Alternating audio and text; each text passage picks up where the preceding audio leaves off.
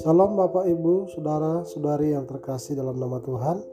Pada pagi hari ini kita bersyukur atas kasih Tuhan yang selalu dilimpahkan atas diri kita. Mari Bapak Ibu kita berdoa sebagai ucapan syukur kita sebelum mendengarkan firman Tuhan. Bapak yang baik, Allah yang setia, Allah yang kami tinggikan, Allah yang kami agungkan. Kami bersyukur punya Allah seperti Engkau yang terus setia kepada kami dan terus Engkau memberikan kekuatan baru dalam kehidupan kami. Pada pagi hari ini ya Tuhan, sebelum kami merenungkan firman Tuhan, kiranya Engkau tolong kami untuk memahami firman-Mu, supaya kebenaran firman-Mu itu tidak akan sia-sia kami dengarkan, kami baca. Roh Kudus akan menyingkapkan isi hati Tuhan melalui firman-Mu. Kami siap mendengarnya dan merenungkannya. Hanya di dalam nama Yesus Kristus kami berdoa. Amin. Pada pagi hari ini kita, kita sudah tiba dalam kitab Mika pasal 4 dalam perikopnya di situ Sion sebagai pusat kerajaan damai. Perlu kita ketahui bahwa dalam pasal 4 ini adalah nubuat Mika mengenai Allah yang akan datang.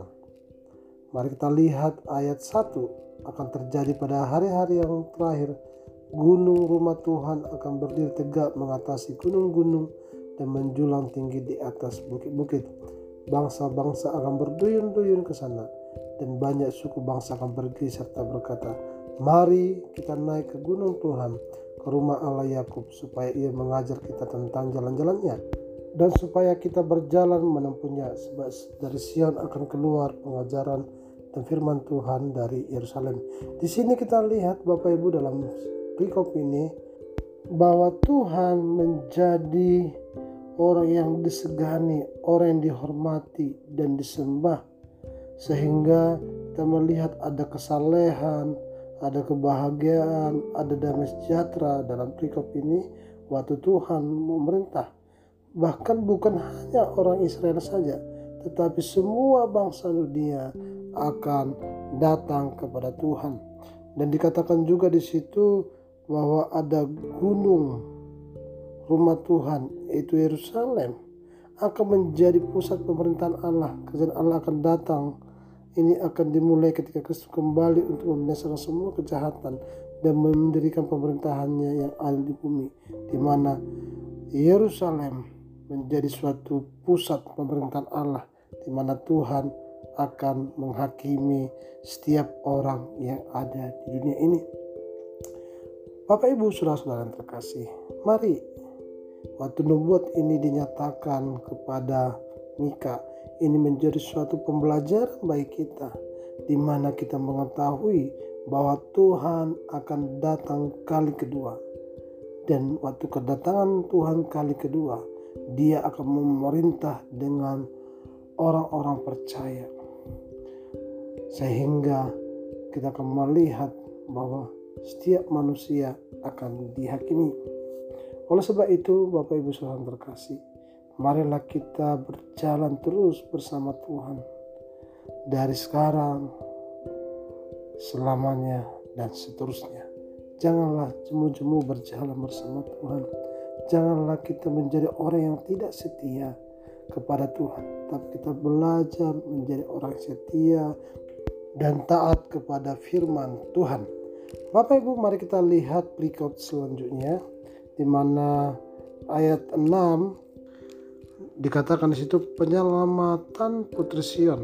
Pada hari itu demikianlah firman Tuhan, aku akan mengumpulkan mereka yang pincang dan akan menghimpunkan mereka yang terpencar dan mereka yang telah kucelakakan.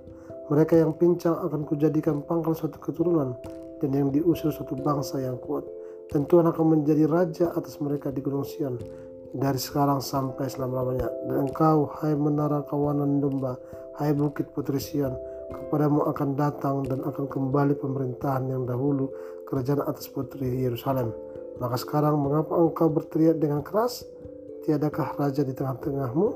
Atau suatu binasakah penasihatmu sehingga engkau disergap kesakitan seperti perempuan yang melahirkan?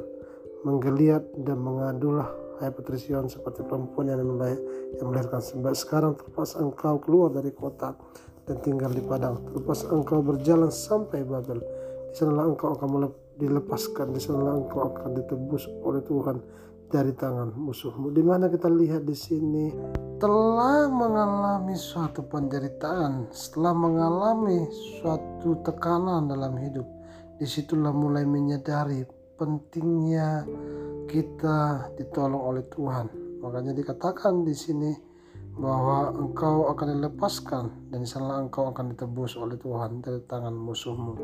Saudara-saudara yang terkasih, kita sebagai anak-anak Tuhan, janganlah kita mengalami suatu penderitaan yang berat atau kita meninggalkan Tuhan setelah ada masalah baru kita datang kepada Tuhan mengeluh kepada Tuhan tapi kita belajar di sini bahwa sebelum suatu tekanan, suatu permasalahan, suatu perbuatan-perbuatan yang jahat di mata Tuhan kita lakukan, marilah kita sadar bahwa kita harus berbalik kepada Tuhan, melakukan apa yang benar di hadapan Tuhan.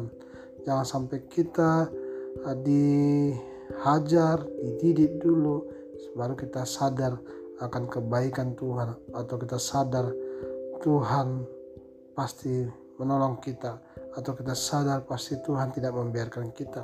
Pada saat ini setelah kita membaca kebenaran firman Tuhan, bagaimana pemerintahan Tuhan yang akan dinyatakan nantinya dan di sini ada suatu peringatan kepada putri Sion supaya mereka uh, mengalami pertobatan dalam hidup mereka atau penebusan akan dilakukan oleh Tuhan kepada mereka kepada uh, musuh-musuh mereka yang mencengkram mereka.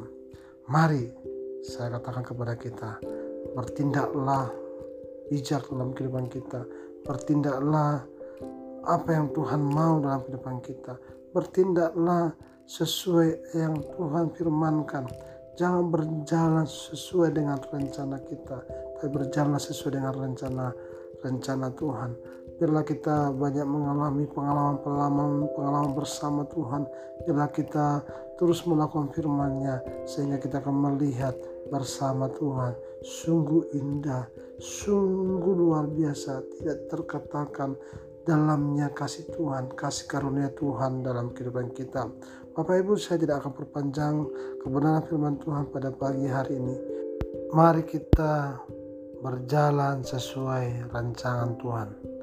Jangan pernah berjalan sesu sesuai dengan kemauan kita sendiri bahwa melalui rencana Tuhan. Di situlah kita akan melihat pembelaan Tuhan atas diri kita sebagai anak-anak Tuhan.